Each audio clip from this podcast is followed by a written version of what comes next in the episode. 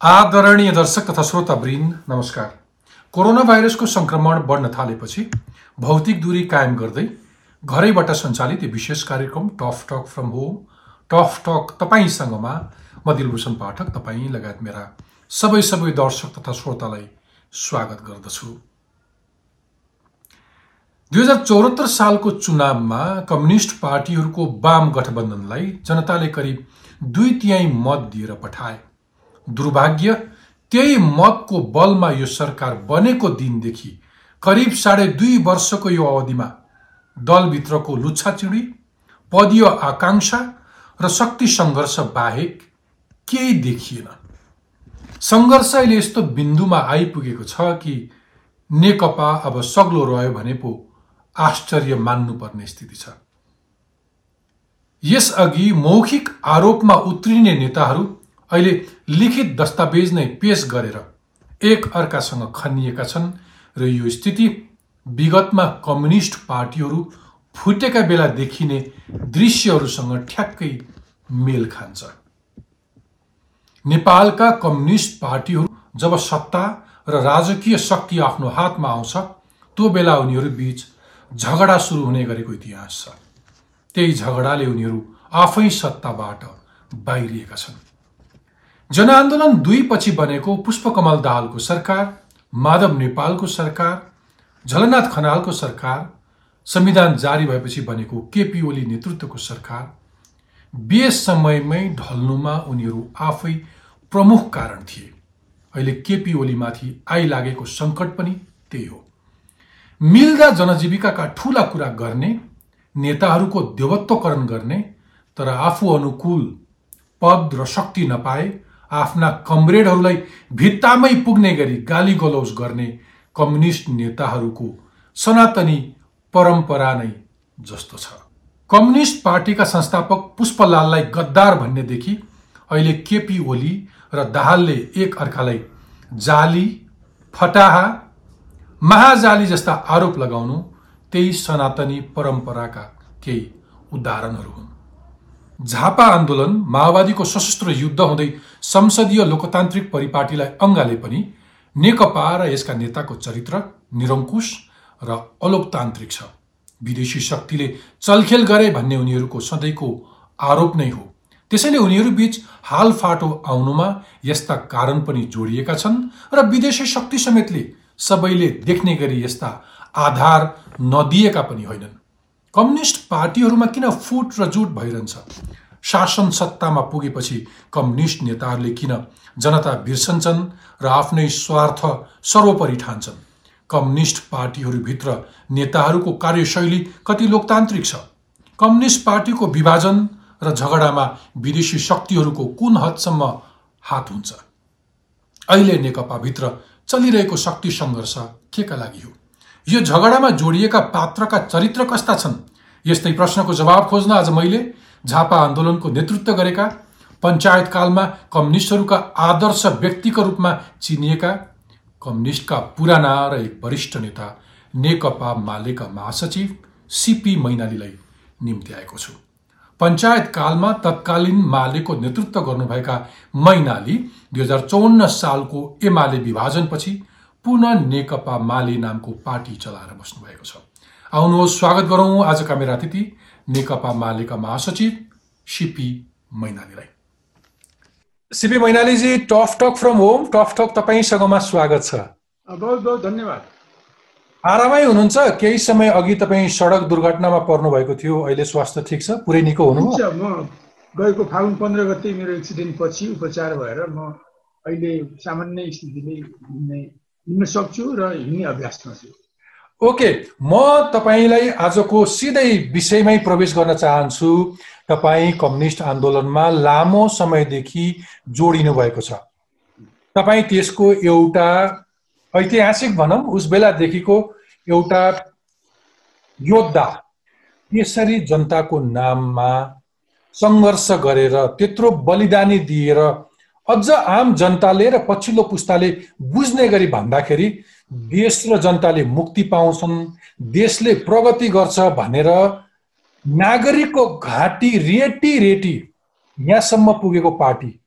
अनि त्यो पार्टीलाई जनताले यति ठुलो बहुमत दिएर जिताएको सत्तारूढ दल नेकपा भित्रको झगडालाई तपाईँले कसरी हेरिरहनु भएको छ? वास्तवमा यो प्रश्नै मार्मिक छ होइन? जनताले यति विश्वास गरे र हाम्रो आन्दोलन नै दुई हजार छ सालदेखि सुरु भएको एकात्तर वर्षभन्दा बढी भइसकेको म खुद यो आन्दोलनमा संलग्न भएको पचास वर्ष भयो। र हामीले यो आन्दोलनमा जुन आदर्श प्राप्तिको निम्ति जुन लक्ष्य प्राप्तिको निम्ति सुरु गरेका थियौँ जनताले पनि साथ नदिएका होइनन् साथ दिएका पनि हुन्। तर जनताको साथ पाएर अहिलेको यो जुन पुँजीवादी गणतन्त्रको सरकार सञ्चालन गर्ने ठाउँमा जो पुगेका छन् उनीहरूमा सबभन्दा ठुलो कुरो चाहिँ उनीहरूमा आफ्नो प्रतिबद्ध प्रतिबद्धताप्रतिको रास देखियो। उनीहरूले न त सिद्धान्तलाई मानिरहे न त डेमोक्रेटिक मूल्य मान्यता राजनीतिक मूल्य मान्यतालाई जोगाइरहे न त उनीहरूले आचरणलाई ठिक गर्न सके न त उनीहरू आफ्नो घोषणामा इमान्दार रहे। यस कारणले गर्दा अहिले जुन ठाउँमा अब नेकपा नेकपा पुगेको छ यसले धेरै अहिले अहिलेको परिवर्तनले सामाजिक रूपमा आमूल परिवर्तन त यसले ल्याउन सकेन। आमूल परिवर्तन त कार्यान्वयनमा जान नसक्ला। तर त्योभन्दा अगाडिका धेरै काम यसले गर्न सक्थ्यो। जनताको जीविका म त्यसमा आउँछु। सिपी मैनालीजी मलाई म केही क्षण अघि सामाजिक सञ्जाल हेरिरहेको थिएँ र कहिले कहिले यति बहुमतको यति धेरै जनताले विश्वास गरेको सरकारप्रति कसैले साह्रै हल्का टिप्पणी गर्दाखेरि मन अमिलो हुँदो रहेछ।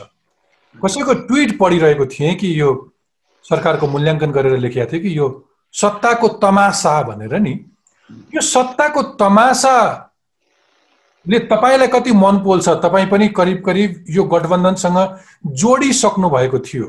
तपाईँलाई ओलीले नेकपा माले खारेज गरेर आऊ अथवा सूर्य चिन्हबाट चुनाव लड्ने हो भने चुनावी गठबन्धन गरौँ भनेर भन्नुभएको थियो तपाईँले यो मान्नु भएन। आज आज यो यो यो यो तमासा अथवा यो रणाको देख्दाखेरि मनमा के खेल्छ? अथवा यो झगडा के सैद्धान्तिक हो सिद्धान्तको हो कि पद र शक्तिको हो? पहिलो कुरो त तपाईँले ठिकै भन्नुभयो कि हामी गएको चौहत्तर सालको चुनावमा हामी आफ्नो प्लेटफर्मबाट हामी आफ्नो चिन्हबाट चुनाव यो दोहोरो नेकपासँग सहकार्य गरेर चुनाव गर्ने पक्षमा थियौँ जसलाई अघि तपाईँले भनेकै भाषामा त्यसका नेता केपी ओलीले स्वीकार्नु भएन। अब हामी अलग्गै गयौँ उहाँहरू अलग्गै जानुभयो।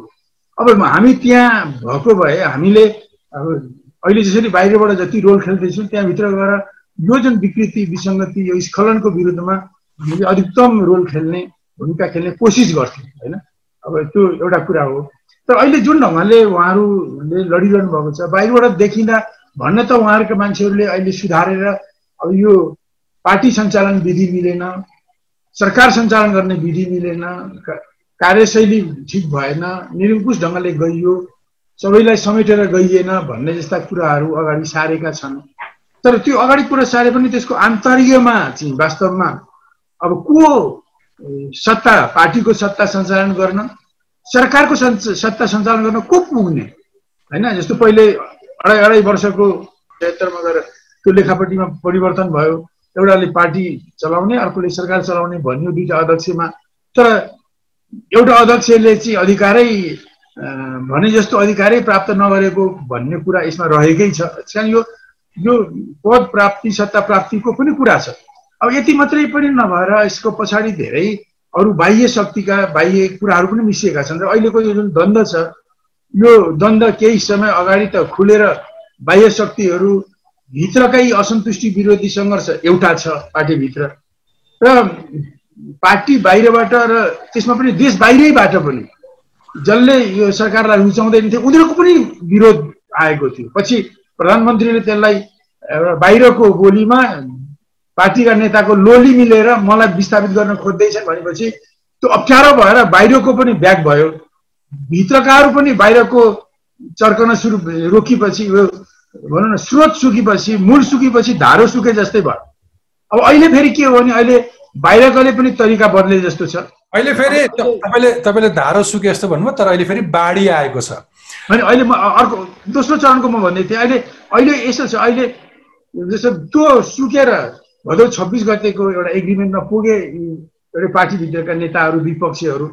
अब त झगडा नगरी केही दिन चल्ला कमसेकम अब यो चैतमा उहाँहरूको एकताको महाधिवेशन गर्ने कुरा छ। त्यहाँसम्म चाहिँ जाला कि भनेको त्यहाँ यो भनौँ न असोजै काटेन कार्तिकदेखि सुरु नै भइहाल्यो होइन? यस बिचमा के भयो भने अब फेरि पनि बाह्य शक्तिको उपस्थिति देखियो। एउटा बडो बडो चर्चित र आलोचित र एक किसिमले निन्दित क्षेत्रबाट एउटा पात्र आए जसले प्रधानमन्त्रीसँग तिन घन्टा जति बसे र केही पन्ध्र बिस पच्चिस तिस मिनट उनीहरूको वान टु वान कुरा भयो। अनि पछि त्यसको केही समय दसैँको बेलामा दुईवटा अध्यक्षको बिचमा बोलचालै बन्द भयो।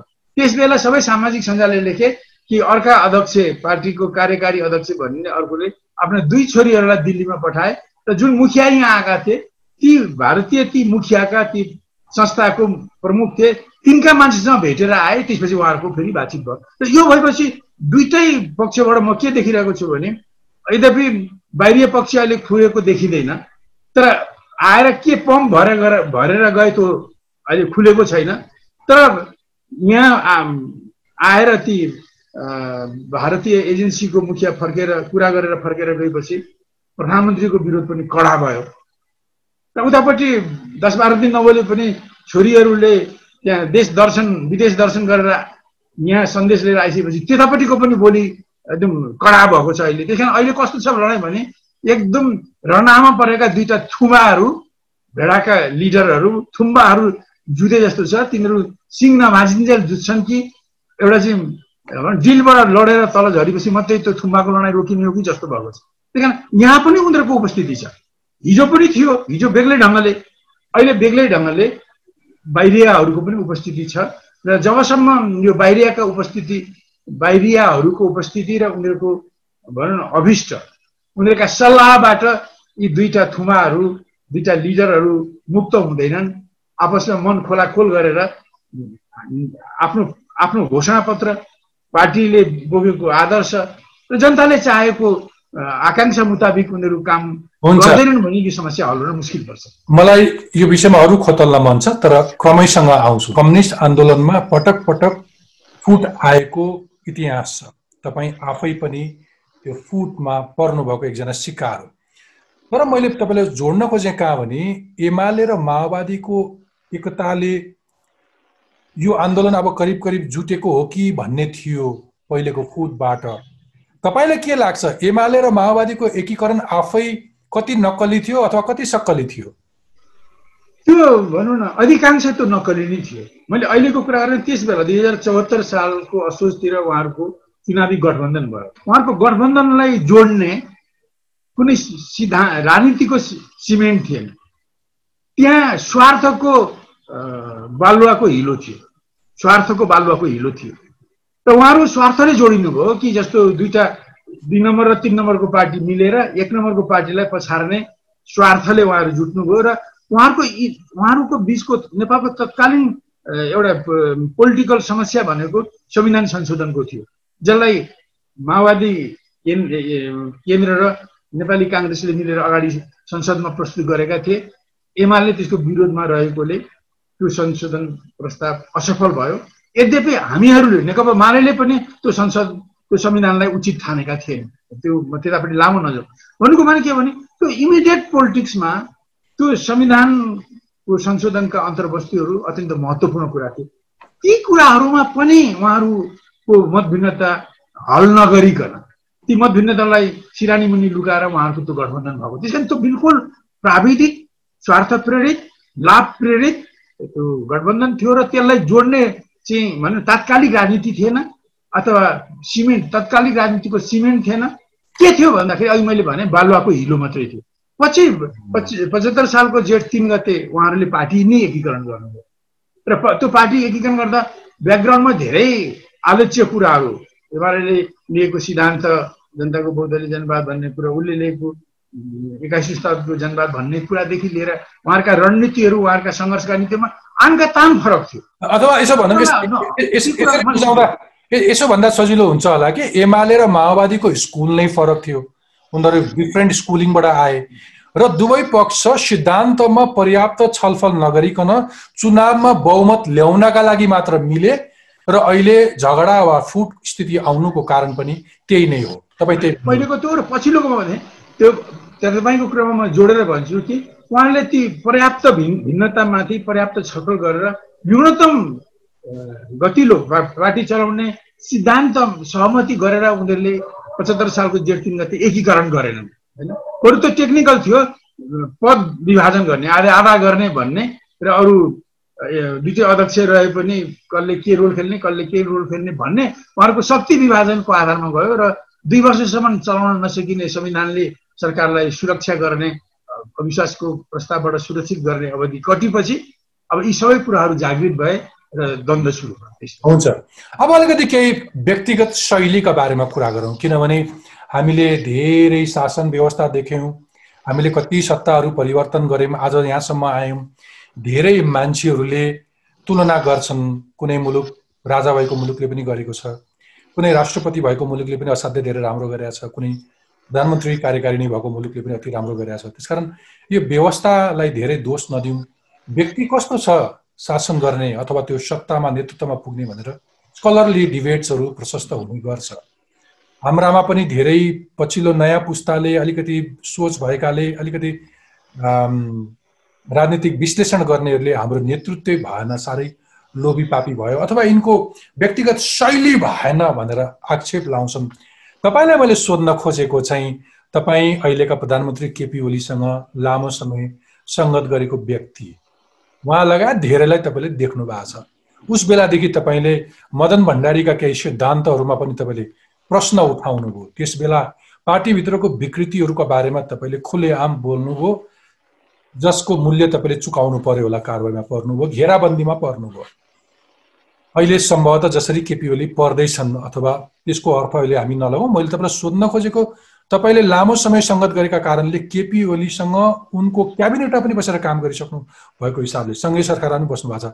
खासमा केपी ओली कस्ता व्यक्ति हुन्?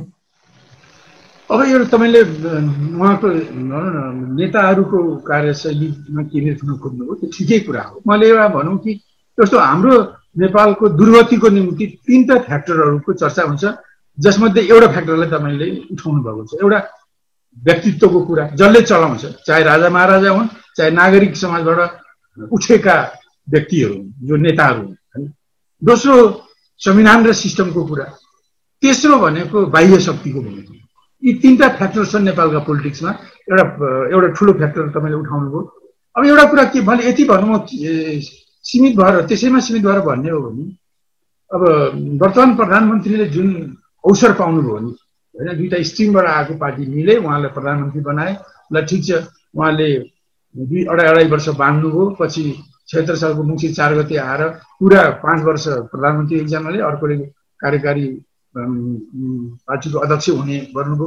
कमसेकम त्यसमा अडेर होइन र आफ्नो न लेभलका है उहाँभन्दा पहिले मन्त्री प्रधानमन्त्री भएका मान्छेहरू छन् नि प्रचण्डै पनि उहाँभन्दा अगाडि प्रधानमन्त्री हुनुभयो।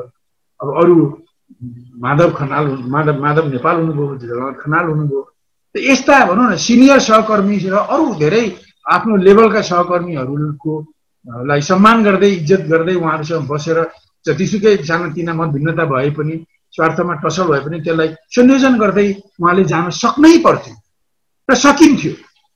यो उहाँले गर्नुभयो। बिल्कुल गर्नु भएन यो उहाँको कार्यशैलीमा रहेको अत्यन्त ठुलो दोष हो। उहाँमा अलिकति आफै नै सर्वज्ञता ठान्ने आफ्नै सबभन्दा ठुलो ठान्ने अरू अरूको सरसहयोग लिन नचाहने होइन? आफ्ना सहकर्मी सिनियर र समकक्षी सहकर्मीलाई इज्जत गर्दै सँगै लान नचाहने र यस्ता कमजोरीहरू अब अब सरकारमै पनि बाहिर देख्यो अधिकार प्रधानमन्त्रीमा केन्द्रित गर्ने यस्ता विधेयकहरू ल्याउने कि जनताका अधिकारलाई खुम्च्याउने? यो त हामीले देखिसकेका छौँ पब्लिकली पनि देखेका छौँ। त्यस कारण उहाँमा यी किसिमका प्रवृत्तिहरू रहे अनडेमोक्रेटिक शक्ति केन्द्रीकरण गर्ने अलिकति अहङ्कारी अलिकति दमनकारी अलिकति प्रतिशोधी अलिकति अलिकति साँगुरो अलिकति सङ्कीर्ण यस्ता किसिमका कमजोरीहरू देखे उहाँका कार्यशैलीमा। यदि यी कुरालाई जितेर उहाँले जुन चौहत्तरको फागुन तिन गतेदेखि प्रधानमन्त्री हुनुभयो अब पचहत्तरको तिनदेखि त एउटै पार्टी बन्यो उहाँहरूको दुइटा गठबन्धनको पार्टीहरू। यसलाई उहाँले भरपुर सदुपयोग गर्न सक्नुहुन्थ्यो। यदि उहाँले यो जिम्मेदारी बुझेको भए र आफ्नो कमजोरीलाई नाङ्ने आँट गरेको भए तर त्यसो गर्नु भएन दुःख लाग्छ अनि राष्ट्रवादी चाहिँ कति केपी शर्मा ओली? उहाँको राष्ट्रवादितालाई मैले मैले जनताले बुझ्ने भाषामा मैले भन्छु त्यो छिर्के मिर्के राष्ट्रवाद। उहाँको राष्ट्रवाद के देखिन्छ भने सत्ता केन्द्रित राष्ट्रवाद हो। जस्तो भनौँ महाकाली सन्धि धेरै हिसाबले राष्ट्रघाती थियो। त्यसलाई उहाँ उहाँ माधव नेपाल अगाडि बढेर पार्टीको त्यत्रो घनघोर विरोध हुँदाहुँदै पनि अब यसो करबल छल गरेर एउटा भोटद्वारा बहुमतद्वारा ल्याएर अब त्यस बेलाको सरकार काङ्ग्रेस र राप्रपाको थियो त्यो सरकारलाई सपोर्ट गर्दै दुई त्याइबाट पास गराउने ठाउँमा जानुभयो। त्यो पनि विदेशीलाई रिझाउने गलत कुरा थियो। किन भन्दा त्यसो गर्दाखेरि के कुरा भने त्यो त्यो मुलुक जसले त्यो सन्धि गरेर आफूलाई लाभान्वित भएको ठान्थ्यो त्यसले भोलि हरेक ठाउँमा चुनावमा सहयोग गर्ने सरकारमा पुग्न सहयोग गर्ने लगायतका विभिन्न स्वार्थ स्वार्थी कुराहरूलाई अगाडि सारेर त्यहाँ पुग्नुभयो। पछि अब ठिक छ एउटा स्थिति आयो भनौँ संविधान जारी भएपछि बहत्तर असोजपछि नाकाबन्दीको विरोधमा हामी सबै थियौँ।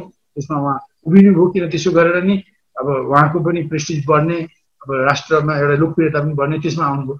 अब माथि पुगिसकेपछि अब दोस्रो पटक सरकारमा पुगिसकेपछि उहाँले सत्तालाई नै प्राथमिकता दिँदै हाम्रो असंलग्न र तटस्थ परराष्ट्र नीतिमा आँच पुग्ने कयौँ काम गर्नुभयो र उहाँले ल्याइ उठाइरहेका कयौँ कदमहरूलाई उहाँले कतिपयलाई कार्यान्वयन गर्नु भएन कतिपयमा उहाँले कम्प्रोमाइज गर्नुभयो होइन? त्यसकारण उहाँको राष्ट्रवाद उहाँको उहाँको सत्तामा पुग्ने इच्छा केन्द्रित छ। त्यही कारण इच्छा केन्द्रित भएको हुनाले मलाई टाइम टाइममा यो छिर्के मिर्के भनौँ न छेपाराको रङ फेरि जस्तै फेरिरहने किसिमको प्रवृत्ति रहेको राष्ट्रवाद छ उहाँको मैले तपाईँलाई तपाईँकै आफ्नो पुरानो अनुभवसँग जोडेँ भने जस्तो अहिले तपाईँ अलिकति फरक कित्तामा हुनुहुन्छ। केपी ओलीलाई सबैले घेराबन्दीमा पारेको। तपाईँले उहाँको छिर्के बिर्के राष्ट्रवाद भने पनि संविधान जारी गर्दाका बखत उहाँले देखाउनु भएको एक किसिमको राष्ट्रिय भावना अथवा म कोहीसँग झुक्दिनँ भन्ने पक्षको आम जनताले त्यसलाई भ्यालिडेट गरे। त्यो उहाँको पोजिसनलाई सबैले एन्डोर्स गरेर त्यो गठबन्धनलाई बहुमत अत्याधिक बहुमतले जिताएको हो। यसमा सम्भवतः तपाईँले नकार्नुहुन्न कसैले नकार्दैनन्। र पछिल्लो समय फेरि उहाँका उठ बस उहाँको कार्यशैलीहरू हेर्दै गएपछि सम्भवतः तपाईँले छिर्के मिर्के राष्ट्रवाद भनेर भन्नुभयो। तर अहिले जसरी ओलीलाई घेराबन्दीमा पारिएको छ तपाईँले आफ्नो अतीत फर्किनु हो भने तपाईँ पनि कहिले कहिले त्यसरी घेराबन्दीमा पर्नु भएको छ पार्टीका साथीहरूका बिचमा। इमान्दार हुँदाहुँदै पनि कति परिस्थितिमा तपाईँले नैतिकता ठानेर राजीनामा दिनुभयो त्यो राजीनामा तपाईँका साथीहरूले च्यातेर तपाईँलाई कारवाही गरेका घटनाहरू पनि छन्। तपाईँले अघि भने जस्तै अथवा तपाईँहरू आफूले एकअर्का एकअर्कालाई भने जस्तै जाली फटा महाजालीहरू त त्यहीँ छन् भनेर तपाईँहरूले स्वीकार्नुहुन्छ। ओलीलाई त्यस्तै महाजालमा पारिएको घेराबन्दीमा पारिएको स्थिति होइन अहिले? यत्रो म्यान्डेट लिएर यत्रो बहुमत लिएर प्रधानमन्त्री चलाउन गएको मान्छेलाई किन किचकिच गर्नु पर्यो सबैले एउटा कुरा के भने ठिकै हो। अब तपाईँले जे भन्नुभयो होइन जस्तो केपी ओलीले संविधान ल्याउने कुरामा बेलामा जुन अडान लिनुभयो नाकाबन्दीको जुन अडान लिनुभयो आई एप्रिसिएट म आफै पनि त्यो सरकारमा थिएँ केपी ओलीले त्यो नाकाबन्दीको विरोधमा पहिलोचोटि सरकार बनाएर म हामी हामी सबै त्यसमा संलग्न थियौँ हामी सबैको जोडबलले उहाँले पनि त्यो बाटोमा लिनुभयो त्यो ठिकै छ। पछि चिनसँग पनि व्यापार पार्वणको सम्झौता गरियो ऐतिहासिक नै हो। त्यसलाई म सबैलाई एप्रिसिएट नै गर्छु। तर के भने जब उहाँले ठिक ढङ्गले कदम नचाल्ने र पछि चाहिँ अनावश्यक ढङ्गले अनुचित ढङ्गले आफ्नो सत्ताको निम्ति ढुक्ने गठबन्धन गर्ने काम एमसिसीको केसमा भन्नुहोस् या भारतसँगकै दिनमा अलिकति लामो म जान चाहन्न जुन देखाउनु भयो त्यसले गर्दा छिर्के मिर्के राष्ट्रवाद बन् बन्न पुग्नुभयो। खैर म अर्को कुरा तपाईँले अहिले जुन आउनुभयो हो त्यस बेला पनि अहिले त के छ भने यो सञ्चारको विकासले गर्दा हामीहरू धेरै कुराहरू देशका मात्रै नभएर विश्वभरिकै छिमेकका पनि विश्वभरिकै पनि कुराहरू हामी बुझ्न सक्छौँ र अहिले जुन ढङ्गले भनौँ एकीकरणदेखि नेपाललाई औपनिवेशीकरण गर्ने एउटा अप्ठ्यारो र पूर्वाग्रही एउटा छिमेकी छ। अब त्यो छिमेकीको विरोधमा समयमा लड्ने पनि र समयमा झुक्ने पनि जुन कामहरू भइरहेका छन् होइन? अब त्यस अब त्यसले गर्दा अब त्यो हाम्रो कालमा खास गरिकन जन्मसङ्ग्रहको काल मैले भन्ने हो भने छत्तिस साल उसको चुनाव सैँतिस सालको वैशाखदेखि लिएर उन्चालिस सालको कार्तिकसम्म अब म पनि पार्टीभित्र त्यस बेला अब अहिले आएर म छर्लङ्ग हुन्छु कि एउटा तिनवटा यस्ता कुराहरू मैले गरेछु जो हाम्रो अप्ठ्यारो र भनौँ न पूर्वाग्रही हाम्रो छिमेकीलाई मन पर्दैन थियो। जस्तो जनमत सङ्ग्रहमा भाग लिएर जनमत सङ्ग्रहको मतदानद्वारा पञ्चायतलाई हटाउने कुरा त्यसलाई मन पर्दैन थियो। मैले जनमत सङ्ग्रहबाट पञ्चायतलाई हटाउने नीति लिएँ पछि पार्टीले त्यसलाई बहिष्कारमा लग्यो पछि जन जनमत सङ्ग्रहको प्रतिफल जुन आयो त्यसलाई हामीले शक्तिको दुरुपयोग र धाँधलीले सुधारिएको पञ्चायत जित्यो भनेर हामीले त्यसलाई स्वीकारेनौँ आन्दोलन गर्ने कुरा लग्यौँ तर त्यसपछि पञ्चायतको विरुद्धमा लडेर बहुदलीय प्रजातन्त्रको निम्ति काम गरौँ वाम मोर्चा बनाऊ काङ्ग्रेससँग सहकार्य गरौँ भन्नेलाई परस्त भनौँ। होइन? मैले शान्ति क्षेत्रको प्रस्तावलाई पुरा विरोध नगरौँ। यसको केही पक्ष राम्रा छन् त्यसको विरोध नगरौँ। जे राष्ट्रियतालाई हित गर्ने पक्षको विरोध नगरौँ दमनकारी पक्षको विरोध गरौँ भने यदि यदि यति तिनवटा कुरा विरोध गरेपछि अब त्यस अब मलाई के लाग्छ भने बाह्य शक्तिको नजरमा तत्कालीन नेकपा एमाले ती तिनै कुराको पक्षपाती शिविर मैनाली पनि पर्यो र पार्टीभित्रका कतिपय सङ्कीर्ण अलिकति उग्र वामपन्थी अलिकति भनौँ न पूर्वाग्राही पक्षहरूलाई साथ समर्थन दिँदै मलाई त्यो ठाउँमा पुर्यायो कि जब म ठिक छ म अल्पमतमा परिपछि मैले राजीनामा दिएँ त्यो राजीनामालाई अस्वीकार गरेर त्यो पक्षले मलाई डल्लैले मलाई त्यसलाई च्यातेर मलाई पार्टी महासचिवबाट र पोलिट हटाउने काम गर्यो। त्यो पनि एउटा घेराबन्दीकै कुरा रहेछ भन्नेहरू त्यस बेला बुझ्न सकिएको थिएन अहिले बुझ्यो। अहिले जस्तो मलाई के लाग्छ भने त्यस बेला मैले ती तिनवटा कुरामा म भिन्न मत छिमेकीलाई मन नपर्ने र कतिपय हाम्रो पार्टीभित्रका साथीहरूलाई मन नपर्ने कुरा मैले नीतिगत त लिएँ। केही सानातिना कुराहरूमा अब सबै कुरामा अल्पमत पर्दै गएपछि केही चिडचिडार त भयो होला त्यसका केही कमजोरी त भयो होला। तर अहिले पछिल्लो बेलामा केपी ओलीले जुन अवसर पाउनुभयो र झन् केपी ओलीले जुन ढङ्गले आफ्नो पार्टीभित्रका अरू असन्तुष्ट साथीहरूलाई आफ्ना साथीहरूलाई विरोधमा लैजाने जति पनि गतिविधि उहाँहरूले गर्नुभयो त्यस्तो मबाट पटक्क भएको थिएन। र पनि म त्यस्तोमा पऱ्यो भने अहिले केपी ओलीलाई चाहिँ आफैले पनि यति धेरै गल्ती गर्नुभयो जसले गर्दा साथीहरू पनि विरुद्धमा उठे। बाह्य शक्ति त विरुद्धमा छैन माधव कुमार नेपाल कस्ता नेता हुन् बत्तिस सालमा कोर्डिनेसन केन्द्र बन्यो र पछि मलाई हटाइन्जेलसम्म दुई हजार उन्चालिस सालको कार्तिक बाइस गतेसम्म उहाँ सेकेन्ड म्यान हुनुहुन्थ्यो। After me was the leader होइन? मैले के देखेँ भने पार्टीले गरेका निर्णयलाई कार्यान्वयन गर्न बडो सक्रियतापूर्वक लाग्ने मानिस हुन्। र लामो समयसम्म त्यसरी गरेकोले हुनाले होला। पछि कतिपय अवसरमा उहाँको नीतिमा पनि कतिपय कम्प्रोमाइजिङ स्वभाव देख्छु म होइन? कम्प्रोमाइज सैद्धान्तिक रूपमा पनि कम्प्रोमाइज गरिदिने राष्ट्रियताका सवालमा पनि कम्प्रोमाइज गरिदिने। अनि अरू विभिन्न कुराहरूमा उहाँको त्यो कम्प्रोमाइजिङ स्वभाव अरूहरूमा पनि जान्छ। मैले योभन्दा बढी इलाबोरेट नगरौँ सिद्धान्तमा पनि जान्छ पोलिटिक्समा पनि जान्छ। नीतिमा पनि गएका छन्। झनलाल खनालजी। उहाँ सिद्धान्त बहादुर हुने तर त्यसको कार्यान्वयन पक्षमा त्यति गम्भीर नहुने। उहाँ पनि शक्तिलाई केन्द्रित गरेर नीतिमा ढलपल गर्ने। उहाँको भनौँ एउटा प्रसिद्ध नीति छ त्यो। ओके। उहाँका ती कमजोरी हुन्। अब यस्ता दुई तिनवटा कुराहरू हटाए उहाँ पनि बडो खाइलाग्दो मान्छे हो ओके। अब अहिले नेकपामा यो सिङ्गो बखेडा अथवा धेरैले सरकार पक्षहरूले चारै धेरै आरोप लगाइरहेका नेकपाका अर्का अध्यक्ष पुष्पकमल दाल प्रचण्डलाई पनि तपाईँले ढिलो चाँडो नजिकबाट चिन्ने अवसर पाउनु भएको छ। उहाँ कस्ता नेता हुनुहुन्छ? उहाँ पनि अलिक बढी सेन्टिमेन्टल मान्छे अलिकति अस्थिरता छ। त्यो अस्थिरता हुनुको कारण के छ भने उहाँको दुई खुट्टा दुई नाउमा खुट्टा राख्ने गर्नुहुन्छ। एउटा विदेशको सल्लाह एउटा देशको वस्तुस्थिति अब कहिले देशको कुरा आउँदा यतापट्टि उताको कुरा हाबी हुँदा उतापट्टि हुनाले नै उहाँको अस्थिरता भएको म देख्छु। र उहाँहरूले नै अब बाहन्न सालदेखि सशस्त्र सङ्घर्ष गरेर जनगणतन्त्र ल्याउने कार्यनीति अगाडि सार्नुभयो जुन कार्यनीतिलाई कार्यान्वयन दस वर्ष गरेर पछि गर्दा पनि त्यसको परिणाम हेर्ने भने त्यो गलत थियो भनेर प्रमाणित गर्छ। किनभने त्यो जन जनगणतन्त्र पनि कायम भएन। उहाँहरूले त्यो जनगणतन्त्र कायम हुन नसक्ने कारण चाहिँ वस्तुगत हो होइन? इन्डो वेस्ट शक्तिको कारणले त्यो हुन सकेन भनेर उहाँले त्यसलाई स्वीकार गर्नु भएन त्यसले गर्दा उहाँले त बुझ्नुभयो उहाँ र बाबुरामले होइन? वस्तुगत कारणले नै जनगणतन्त्र लागू भएन भनेर। तर पार्टीले मूल्याङ्कन त्यसरी गरेन र दोष चाहिँ अब प्रचण्डमाथि रह्यो। अब त्यसले गर्दा के हो भने यदि प्रचण्डहरूले खुट्टो नकमाएको भएदेखि तत्काल जनगणतन्त्र आउँथ्यो भन्ने अरू साथीहरू छन् अहिले उहाँहरू त्यो त्यो लाइनमा छन् त्यसले गर्दा पार्टी चिरा चिरा भयो दोस्रो। आन्दोलन लक्ष्य ठुलो लिनुभयो बलिदान पनि धेरै भयो सत्र हजारभन्दा दुई दिनका मान्छे मऱ्यो अरबौँ रुपियाँ खती भयो।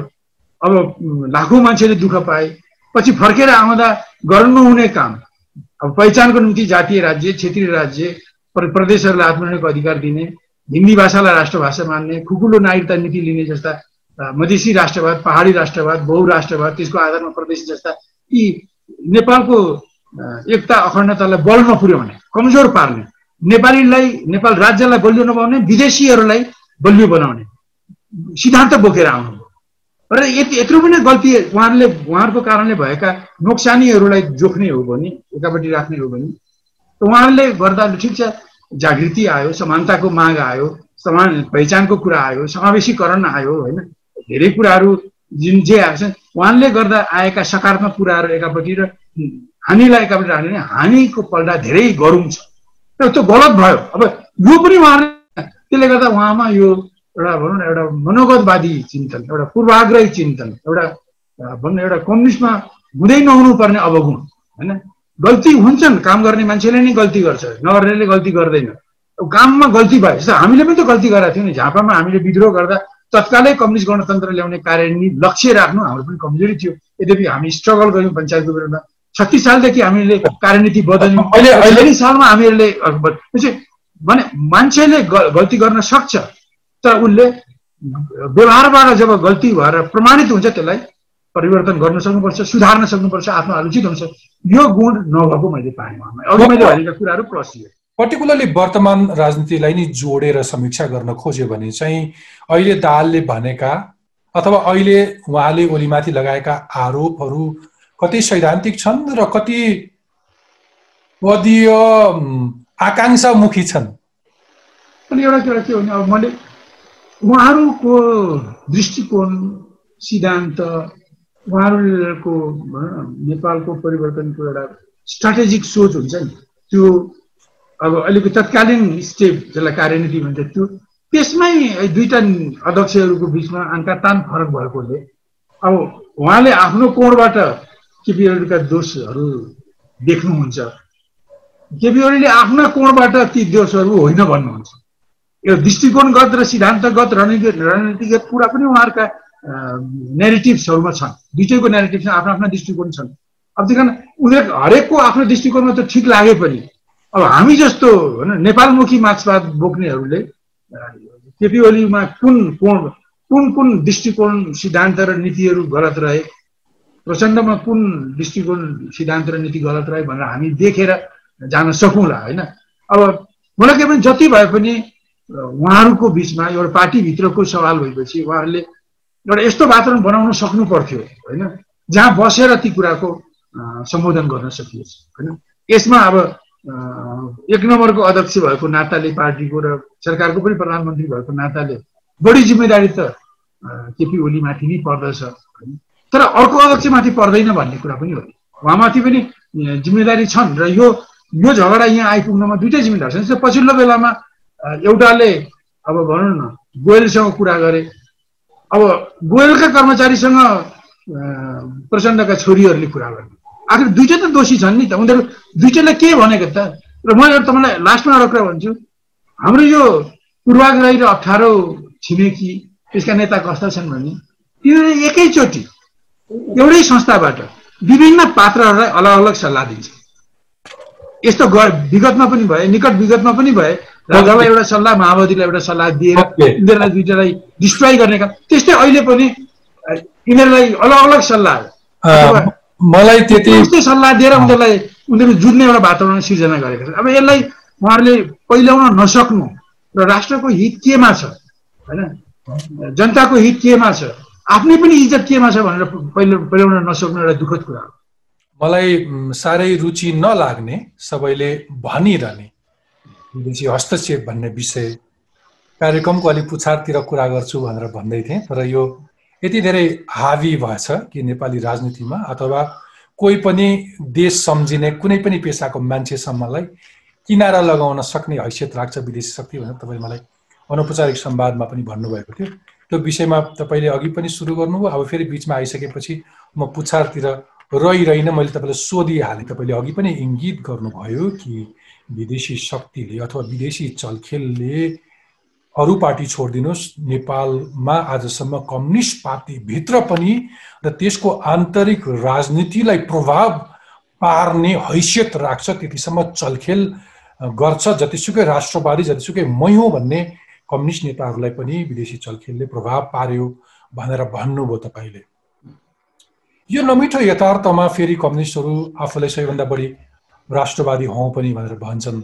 अनि फेरि कुनै एउटा भारतीय नेता तपाईँले अघि कसैको थर भन्नुभयो गोयल अथवा त्यहाँका कर्मचारीहरू आउने बित्तिकै उनीहरूले चलखेल गरिहाल्न सक्ने कस्तो खालको आदर्श रहेछ हाम्रो छिनका छिन विचलित भइहाल्ने। यो चाहिँ कम्युनिस्ट पार्टीको मात्रै रोग हो। तपाईँले चिनेका कम्युनिस्ट पार्टीका नेताहरूको मात्रै समस्या हो कि समग्र नेपाली राजनीतिमा यो समस्या हो? मेरो अब्जर्भेसन के छ भने म लगभग पचास वर्ष म वाम आन्दोलनमा छु। म निरन्तर छु। मैले ठिक छ आन्दोलनले मेरो रहेको आन्दोलनले देश सञ्चालन गर्ने ठाउँमा पुगोस् भन्ने आकाङ्क्षा भए पनि मेरो कुनै व्यक्तिगत ख्वाइस होइन कुनै पद ओगटेर ठुलो हुँ भन्ने कहिले पनि रहेन। एउटा देशमा एउटा देशभक्तिपूर्ण वामपन्थी कम्युनिस्ट आन्दोलन अगाडि बढोस् त्यसका सिद्धान्त नीतिहरू तय गर्नपट्टि लागु भन्नेपट्टि नै रह्यो। तर यति भए पनि मैले के देखेको छु यस विषय भने नेपालको अविकास विकास नहुनु नेपालमा अस्थिरता हुनु र नेपालमा नेताहरू राम्रा नेताहरू चाहे राजा हुन् मारिनु मदन भण्डारी मारिनु या कतिपय नेताहरू किनारा पुर्याइ लगाइनु जस्तो कतिपयलाई चाहिँ पत्रु बनाइनु। यी यो काम भएको संविधानलाई पनि भनौँ न र सिस्टमलाई पनि आफ्नो स्वार्थमा दुरुपयोग गरेर त्यसलाई पनि झन् हित विपरीत बनाइनु बनाउने काममा हाम्रो दक्षिणको यो पूर्वाग्रही र अप्ठ्यारो छिमेकीको ठुलो रोल छ। त्यसका नेताहरूको ठुलो रोल छ। र अहिले पनि छ। अहिले मैले अघि नै भने अहिले हाम्रा दुईटा अध्यक्षहरू होइन पार्टीका अध्यक्षहरू एउटा प्रधानमन्त्री सहितको अध्यक्ष जो लडिरहेका छन्। अहिले म तिनीहरूको पछाडि त्यही अप्ठ्यारो र त्यही पूर्वाग्रही मुलुकका नेताहरू त्यसकै एजेन्सीका मान्छेहरूलाई देखिरहेको छु। अहिले पनि म देखिरहेको छु। त्यही कारण हरेक यहाँका साना ठुला झगडामा त उपस्थित हुन्छ। यो जस्तो हुन महाभारतको कृष्णजी जस्तो छ क्या। द्रौपदीको चिरहरण हुँदा पनि भेटिएका पुगेका उपस्थित हुन्छन्। भीष्म पतम पिताम्बरलाई अर्जुनले ढाल्दा पनि त्यहाँ उपस्थित हुन्छन् र उनी चक्का उठाएर हतियार उठाउँदिन भनेर चक्का उठाएर उनी त्यहाँ प्रस्तुत हुन्छन्। यस्तै यो छिमेकीको यो रोल छ र जबसम्म हामी विदेशी शक्तिहरूको भूमिका नेपालको अस्थिरताको निम्ति अविकासको निम्ति झगडाको निम्ति यसको सङ्कटको निम्ति तिनीहरूको भूमिकालाई गहिरो गरी बुझ्दैनौँ। खास गरिकन इन्डो वेस्ट शक्तिहरूको भूमिकालाई बुझ्दैनौँ। उनीहरूले तात्कालिक हामीलाई तात्कालिक रूपमा रमाइलो लाग्ने हामीलाई आवश्यक पर्ने कुरालाई सहयोग गरेर उनीहरूले सुदूर भविष्यमा नेपाललाई अहित गर्ने तर उनीहरूलाई हित गर्ने कुराहरू गरिरहेका हुन्छ यो नबुझ्नाले नै हामी यो दुर्गतिमा पुगेका हौँ। त्यसकारण शब्द अलिकति चर्को नमिठो होला तर तपाईँले आशय चाहिँ काम नलाग्ने एउटा एउटा झल्लु एउटा दलाली स्वभावको नेतालाई अथवा एउटा नालायकलाई पनि राज्यको उपल्लो तहमा पनि पुर्याउने हैसियत राख्छ र एउटा राम्रो योग्य एउटा हुनहार नेतालाई पत्रु बनाउने र त्यसलाई थन्काइदिने हैसियत पनि राख्छ र यो एउटा राजनीतिमा मात्रै होइन कुनै व्यवसायमा कुनै पेसामा पनि अलिकति देशका लागि बोल्ने मान्छेहरूलाई त्यसरी थन्काउन सक्ने हैसियत राख्छ भनेर तपाईँले भन्नुभयो। सिधै दक्षिणतिर फर्केर। होइन? तपाईँले लगाएको यो आरोपमा चाहिँ त्यो यो शब्द तपाईँहरूले बढी साहित्यमा प्रयोग गर्ने अथवा पार्टीभित्र पनि प्रयोग गर्ने त्यो भारतीय विस्तारवाद र हस्तक्षेप जस्तो जुन राजनीतिक दाउपेच छ नि त्यसमा चाहिँ अहिले पछिल्लो समय त्यो चिनिया फ्लेभर पनि देखा पर्न थालेको हो। अनि एउटा कुरा ठिक छ। यो म दुइटैलाई अलिक फरक देख्छु। हुन त अहिले जस्तो भन्नु चिनियाहरूले जे कुरो सार्वजनिक बनेका छन् जस्तो यो देशमा पार्टीहरू एकीकृत रहन् पार्टीहरू मिलेर काम गरौँ देशमा स्थिरता होस् देशको स्वतन्त्रता सार्वजनिक सत्ता बलियोस् भनेर जुन कुराहरू उनीहरूले पब्लिकली आफ्ना डकुमेन्टमा भनेका छन् नेताहरूसँग अथवा अरू पब्लिक पर्सनालिटीसँग कुरा गर्दा व्यक्त गरेका छन् अब उनीहरूले त्यही कुरा नि भनौँ न लाई पर्सु गरिरहेको म देख्छु।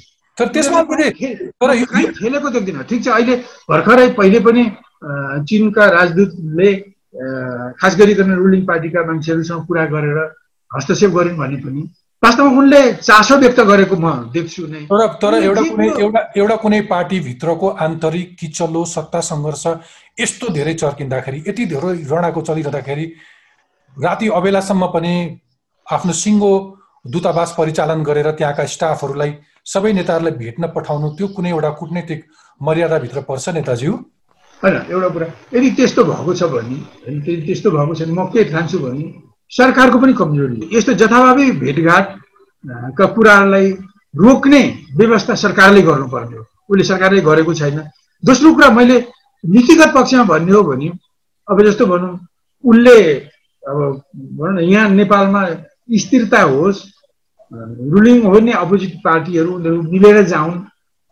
देश चाहिँ विकास गरोस् स्वतन्त्रता सार्वभौमिकता सुदृढ होस् भनेर उनीहरूले हाम्रो स्वतन्त्रता सार्वभौमिकतामा आँच आइरहेको बेलामा पनि उनीहरूले यो नीति लिइरहेका छन्। हाम्रो भूमि अखण्डित हुँदैछ खण्डित हुँदैछ। उनीहरू नेपालको स्वतन्त्रता सार्वभौमिकता र अखण्डताको पक्षमा छौँ भनिरहेका छन्। यो पनि ब्रोड वाइले भन्ने हो भने त नेपालकै कुरामा बोलेको न हो। तर उनीहरूको इस्टाब्लिस पोलिसी उनीहरू बोलिरहेका छन्। यी बाहेक अरू मेन्युभरिङमा के कति ठिक बेठिक भएका छन् यसलाई रेगुलेट गर्न त नेपाल सरकारको पनि काम हो। तपाईँ करिब करिब स्पष्ट हुनुहुँदो रहेछ। दक्षिण छिमेकी चाहिँ यो मुलुकको हित चाहँदैन उत्तर छिमेकी चाहिँ यो मुलुकको हित चाहँदो छ भन्ने खालको तपाईँको धारणा देखियो। तर त्यसमा पनि पूर्वाग्रही हुन सक्नुहुन्छ नि तपाईँको त्यो विचारमा। म तपाईँलाई अनगिन्ती प्रमाण दिन्छु। दक्षिणबाट यो नेपाल एकीकरण हुँदै थियो। उनीहरूले एकीकरण रोक्नको लागि अठार सय चौबिसमा कन्स्टान्टिनोको फौज आएर नेपाली फौजले हराउनु पर्यो। त्यो त्यस्तै हो कि हामीले अठार सय एकहत्तर बहत्तरतिर पाँच ठाउँबाट हमला गरियो पश्चिमतिर हार्यौँ पूर्वतिर नहारेकोलाई पनि सुगोली सन्धिमा राखेर उनीहरूले कब्जा गरेर गयो सडचालिस पछिको घटना गर्नुहुन्छ भने यस्ता अनगिन्ती उदाहरणहरू छन्। अनि त्यो दक्षिणको मूल्य म कुनै पूर्वाग्रह नराखी भन्ने हो भने पनि दक्षिणले आफ्नो इन्ट्रेस्टको निम्ति हाम्रो इन्ट्रेस्ट नेपालको इन्ट्रेस्ट स्वतन्त्र स्वाभि स्वाभिमान सार्वभौम सत्ता र अखण्डतालाई उसले मर्यादा गरेन। भर्खरै पनि गरेन नि त। हाम्रो जमिन एक एउटा एउटा फिलो जमिन नै उसले चार सय बाह्र किलोमिटर। कस्तो संयोग पर्यो भने म गत हप्ताको कार्यक्रममा महिला नेत्रीहरूलाई आमन्त्रण गरेर संवाद गर्दै थिएँ र त्यो संवादमा चाहिँ किन नेतृत्वमा महिलाहरू आएनन्? नेकपाको सचिवालयमै हेऱ्यो भने पनि महिला सदस्यहरू हुनुहुन्न। तपाईँहरूलाई कहिले कहिले लाग्दैन कि महिलाहरू पनि त्यो डिसिसन मेकिङमा भइदिएको भए अलिक बढी सचिवालय समावेशी भइदिएको भए यो एक किसिमको एउटा मान्छेको एकल राज हुँदैन थियो होला अलिकति पार्टी विधि पद्धतिले चल्थ्यो होला भनेर संवाद गरेका थिएँ। त्योभन्दा अघिल्लो हप्ता युवाहरूको प्रतिनिधित्व खोइ नेतृत्वमा खोइ युवाहरू भनेर कुरा गरिरहेको थिएँ। तर अस्तिको गत हप्ता मात्रै महिलाहरूको कुरा गरेको आज बिहान म एउटा ट्विट पढ्दै थिएँ कि त्यहाँ के लेखिएको थियो भने सत्तारूढ नेकपाको सचिवालय विस्तार गरेर दुईजना नयाँ महिला सदस्य थपियो रे। ती दुईजना सदस्य चाहिँ विद्यादेवी भण्डारी र हाउ याङ्सी भनेर कसैले ट्विट लेखेर मजाक गरेको थियो। मेरो मन अमिलो भयो। तपाईँलाई कस्तो लाग्यो? यो पदीय मर्यादा बिर्सेको हो जस्तो लाग्छ राष्ट्रपतिले अथवा कुनै एउटा कुटनैतिक मर्यादामा आएको राजदूतले बेला नकुबेला पार्टीको द्वन्द्व चर्किरहेको बेलामा यसरी बेला नकुबेला साँझ जरुरी थियो। पहिलो कुरा त अब राष्ट्रपतिको बढी उहाँ देशको राष्ट्रपति हुनुपर्ने हो संविधानको रक्षक हुनुपर्ने हो अभिभावक हुनुपर्ने हो। त्यसो नभएर उहाँ जुन पार्टी विशेषबाट उहाँ उठ्नुभयो त्यही पार्टी विशेषकै नेताको रूपमा उहाँको व्यवहार देखिएको छ। पहिलो कुरा यो जति आलोचना भइरहेको छ त्यसको विपक्षमा म छैन। वास्तवमा आलोच्य नै व्यवहार भइरहेको छ। अब जहाँसम्म अब तपाईँले चिनको पक्षलाई पनि तान्नु चिनको होस् या अमेरिकाको होस् या भारतको होस् होइन सबैले पालन गर्नुपर्ने एउटा नर्म्स चाहिँ होइन डिप्लोमेटिक नर्म्स चाहिँ सरकारले नै कडाइको साथ कार्यान्वयन गर्नुपर्छ। ओके अर्को पनि ट्विट थियो उहाँकै सन्दर्भमा मैले पढिरहेको थिएँ सामाजिक सञ्जालमा कि धेरै उहाँको भूमिका चाहिँ धेरै नेकपाको राजनीतिमा देखियो यसमा आउन खोजे जस्तो लाग्यो। अब राष्ट्रपति निवास शीतल निवासबाट किन धुम्बाराई नसार्ने? त्यो भयो भने उहाँलाई पनि सजिलो हुन्छ। यता जनताले तिरेको कर पनि बच्छ भनेर कसैले टिप्पणी गरेको देखाएको थिएँ। मैले तपाईँले विदेशी शक्ति केन्द्रहरूको चलखेलका बारेमा तपाईँले त्यति धेरै टिप्पणी गरिसकेपछि मैले तपाईँलाई सोध्नै पर्छ कि पछिल्लो समय आम मान्छेले टिप्पणी गरे जस्तै यो मुलुकको गणतन्त्र अथवा धर्मनिरपेक्षतालाई पनि खतम पार्ने खेल चलिरहेको छ भनेर भन्छन् नि। यसको बारेमा तपाईँको बुझाइ के छ? मलाई छोटोमा भनौँ भने यस्तो अघिल्लो ब्याङ्क ब्याङ्कबाट चोटिलो ब्याङ्कमा हो होइन? यो राष्ट्रपति प्रति गरिएको चोटिलो ब्याङ्कमा नै हो मराइमा सारौँ भन्ने कुरा होइन? यसलाई राष्ट्रपतिले गम्भीरता साथ ल्याउनु भन्ने म चाहन्छु। अब दोस्रो जहाँ कुरा भन्नुहुन्छ अहिले कस्तो भनौँ अब यो सरकारको एउटा कमजोरी के हो भने उसले जुन घोषणा पत्र ल्यायो त्यस अनुसार काम नगरेर उसले देशको राजनीति देशको अर्थतन्त्र देशको सामाजिक स्थितिमा एउटा नयाँ बाटो होइन एउटा कोर्स नयाँ कोर्स लिएर अगाडि बढ्ला कि भनेको त्यसरी गएन र देशका समस्याहरू चाहिँ एउटा सङ्कटमा तर्फ बढ्दै गएका छन् र अहिले संविधानका पनि कयौँ पक्षहरू जस्तो पहिचान दिएन त्यसको होइन धर्मनिरपेक्षताको होइन अब त्यो धर्मनिरपेक्षताको विरोध गर्ने क्रममा हिन्दू राष्ट्र बनाउनु पर्छ पर्छ भन्ने अर्को गलत स्ट्रिमको कुरा उठिरहेको छ। सङ्घीयता चाहिँ महँगो भयो यो चलाउन सकिन्न भन्ने प्रश्न उठिरहेका छन्। निर्वाचन प्रणालीको बारेमा कुरो उठिरहेको छ। किनभने यो लोकतन्त्र धनतन्त्रमा परिणत भयो। एउटा वडाध्यक्ष जित्न लाखौँ खर्च गर्न पर्ने स्थिति आएपछि अब यहाँ राजनीतिक कर्मीले अथवा स्वयंसेवी मान्छेले जित्ने होइन अब यहाँ त धन्ना सेठहरूले व्यापारीहरूले कन्ट्र्याक्टरहरूले कर्पोरेटहरूले र बाह्य शक्तिहरूले तस्करहरूले नि चुनाव जित्ने जस्तो स्थिति आयो यसलाई चेन्ज गर्ने कुरा उठाएको त्यो स्वाभाविक रूपले संविधानका कैयौँ पक्षहरूमा परिवर्तनको बोध त मैले पनि गरेको छु। अरूले मात्रै होइन जनताले पनि गराएको छ। जहाँसम्म यो धर्मनिरपेक्षता हामी संविधान बनाउने बेलादेखि नै नेकपा माले धर्म यो नेपालमा धर्मनिरपेक्षता एकदम गलत कुरा हो। हामी हिन्दू राष्ट्र पनि लेखाउनु गलत कुरा हो। हिन्दू राष्ट्रको कुराले द्वन्द्व बनाउँछ। धर्मनिरपेक्षताको लागू गर्दा अहिले विश्वमा सबभन्दा धेरै धर्म परिवर्तन। त्यो पनि नेपालका विभिन्न धर्मबाट क्रिस्चियन धर्म परिवर्तन हुने कुरो सबभन्दा हाई रेटमा छ होइन? त्यही कारण यो यस्ता गलत कुराहरूको आलोचना भइरहेको छ र त्यसप्रति राज्य सञ्चालन गर्ने पोलिटिकल नेताहरूको ध्यान जानै पर्छ। त्यही कारण केही संविधानका केही प्रश्नहरू आलोच्य हुनु कुनै नयाँ कुरा होइन। अघि मैले जे उल्लेख गरेँ म दोहोऱ्याउँदिनँ। ती सबै कुरामा हामी छौँ। हामी धर्मनिरपेक्ष हटोस् भन्ने चाहन्छौँ। त्यसको निम्ति आन्दोलनै गर्न चाहन्छौँ। हामी हिन्दू राष्ट्र नहोस् भनेर पनि आन्दोलन गरिरहेका छौँ। हामी भन्छौँ कि नेपालको राज्य धर्म सहिष्णु मात्रै होस्। त्यो निरपेक्ष अथवा सापेक्ष होइन। एकदम स्पष्ट। यस्ता अरू धेरै कुरामा व्याख्या गर्न अहिले समय छैन। तर अहिले के भने स्थिति यस्तो आएको छ कि संविधानका पनि कयौँ प्रश्नमा कयौँ विषयहरूमा प्रश्न उठेका छन् सिस्टममा पनि कयौँ कुराहरूमा प्रश्न उठिसकेका छन् सरकारले गरेका समस्याहरू सङ्कटमा परिणत भएका छन् र देशमा अभूतपूर्व रूपले विदेशी हस्तक्षेप भएको छ। यसलाई निकास दिनको निम्ति अब यहाँ अहिले देशका सबै खाले देशभक्तहरू चाहे कम्युनिस्टका हुन् चाहे वामपन्थीका हुन् चाहे प्रजातन्त्रवादीका हुन् चाहे राष्ट्रवादीका हुन् देशभक्तहरू एक ठाउँमा उभिएर यी सारा देशका जुन ज्वलन्त राष्ट्रिय समस्याहरू छन् त्यसको नेपाललाई नेपाली जनतालाई बलियो बनाउने समाधान जसलाई चाहिँ देशमुखी समाधान भनौँ। त्यस्तो एजेन्डामा चारै खाले देशभक्तहरू उभिनुपर्छ। त्यसले मात्रै त्यस्तो किसिमले त्यो गठबन्धन जुन एजेन्डामा जो गठबन्धन भन्छ त्यो त्यो गठबन्धनलाई लागू गर्ने शक्तिले मात्रै देशभित्रका द्वन्द्व र सङ्कटलाई सम्बोधन गर्न सक्छ बाहिरको हस्तक्षेपलाई त्यसले सम्बोधन गर्न सक्छ।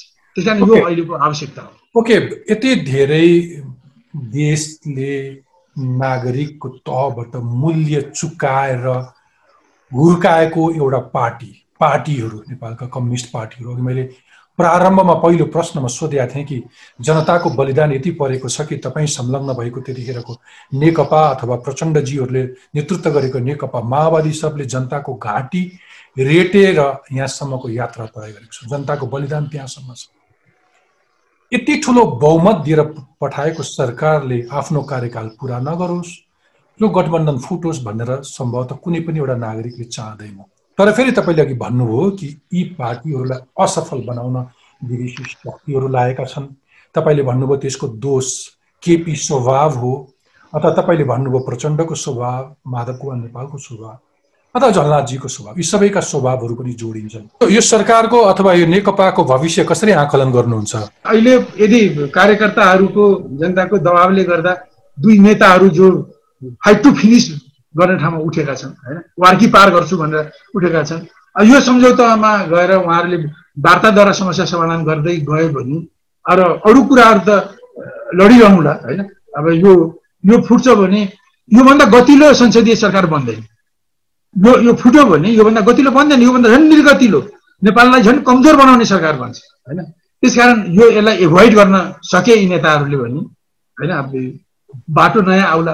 अनि अर्को खड्को चाहिँ यो यो दलको जुन चैतमा महाधिवेशन हुन जाँदैछ त्यो अर्को योभन्दा पनि ठुलो खड्को हो होइन? त्यसमा सिद्धान्त पनि जोडिन्छ राजनीति पनि जोडिन्छ खुलेर अब साङ्गठनिक स्वार्थका मामला पनि जोडिन्छन्। त्यो खड्को चाहिँ साह्रै मुस्किल खड्को छ। तर यो खड्को चाहिँ त्योभन्दा अलिक कमजोर भएकोले यो खड्को पार गरेर यी खड्को प्रसार ओलीहरू अगाडि गयो भने अब अर्को चैतसम्म चाहिँ टिक्लान्। त्यसपछिको लागि म यसै भन्न सक्दिनँ। हुन्छ हुन्छ। यो क्रिटिकल टाइममा तपाईँको महत्त्वपूर्ण समय र विचारका लागि म धेरै धेरै धन्यवाद दिन यस्तो बेलामा तपाईँले हाम्रा कुराहरू नेकपा मालेका कुराहरू मेरा कुराहरू राख्ने मौका दिनुभयो। धेरै धेरै धन्यवाद। Top top program. दर्शक वृन्द कार्यक्रमको अन्त्यमा तपाईँको प्रश्न। नमस्कार म विश्व शर्मा दाङ लुम्बिनी प्रदेशबाट र मेरो प्रश्न रहेको छ माननीय प्रदेश मुख्यमन्त्री शङ्कर पोखरेलज्यूका लागि। हाम्रो लुम्बिनी प्रदेशबाट कति युवाहरू विदेश हिँड्न बाध्य छन् तर ती युवाहरूलाई रोजगार दिन किन नसकेको होला? के युवाहरू बिना देश समृद्ध हुन सक्छ त? नमस्कार मेरो नाम दिव्या श्रेष्ठ टेकु बागमती प्रदेशबाट। मेरो प्रश्न माननीय मन्त्रीज्यूलाई। परीक्षा हुने कुरा निश्चित भइसकेको छ। यो अवस्थामा कोही विद्यार्थी कोरोना सङ्क्रमित हुन सक्छ। यस्तो अवस्थामा चाहिँ उसले परीक्षा दिन सम्भव रहला अथवा यसको के विकल्प हुन सक्छ? मनिष चलाचार्य मध्यपुर ठिमी नगरपालिका बागमती प्रदेशबाट र मेरो प्रश्न शिक्षा विज्ञान र प्रविधि मन्त्री माननीय गिर्जामणि पोखरेलज्यूलाई हाम्रो सरकारले वैकल्पिक रूपमा शिक्षा आदान प्रदान होस् भनेर अनलाइनदेखि लिएर रेडियोदेखि लिएर टिभी मार्फत अनलाइन एजुकेसन आदान प्रदान गर्न खोजिरहेको छ। तर हाम्रो देशको सतहत्तर जिल्लामा कतिपय ठाउँमा अनलाइनदेखि लिएर रेडियोदेखि लिएर टिभीको पहुँच छैन। त्यस कारणले गर्दा हाम्रो सरकारले हरेक विद्यार्थीमा उचित शिक्षा पुगोस् सम्मान शिक्षा पुगोस् भनेर हाम्रो शिक्षा मन्त्री तथा हाम्रो सरकारले कुन रूपले हेरेको छ त? अबदेखि टफ टकमा तपाईँ आफै पनि प्रश्न राख्न सक्नुहुनेछ। सरकारमा बस्ने हुन् वा प्रशासन चलाउने। सार्वजनिक ओदामा बस्ने हुन् वा समाजका जिम्मेवार व्यक्ति तपाईँ जसलाई पनि प्रश्न गर्न सक्नुहुन्छ। उत्तर नआउन पनि सक्छ तर प्रश्नको प्रभाव अनेक किसिमले परिरहेकै हुन्छ। त्यसैले आज आफ्नो क्यामेरा उठाउनुहोस् नाम र ठेगाना भन्नुहोस् कसलाई के प्रश्न हो आधा मिनटभित्रमा सोध्नुहोस् र हामीलाई पठाउनुहोस्। हामी सबैभन्दा राम्रो प्रश्नलाई कार्यक्रममा समावेश गर्नेछौँ। हवस् त अर्को हप्ता यसरी नै भेटौँला। कार्यक्रमका बारेमा टकको युट्युब पेजमा आफ्नो प्रतिक्रिया लेख्न नभुल्नुहोला स्वस्थ रहनुहोस् सुरक्षित रहनुहोस्। आजलाई बिदा दिनुहोस्। नमस्ते। शुभरात्री।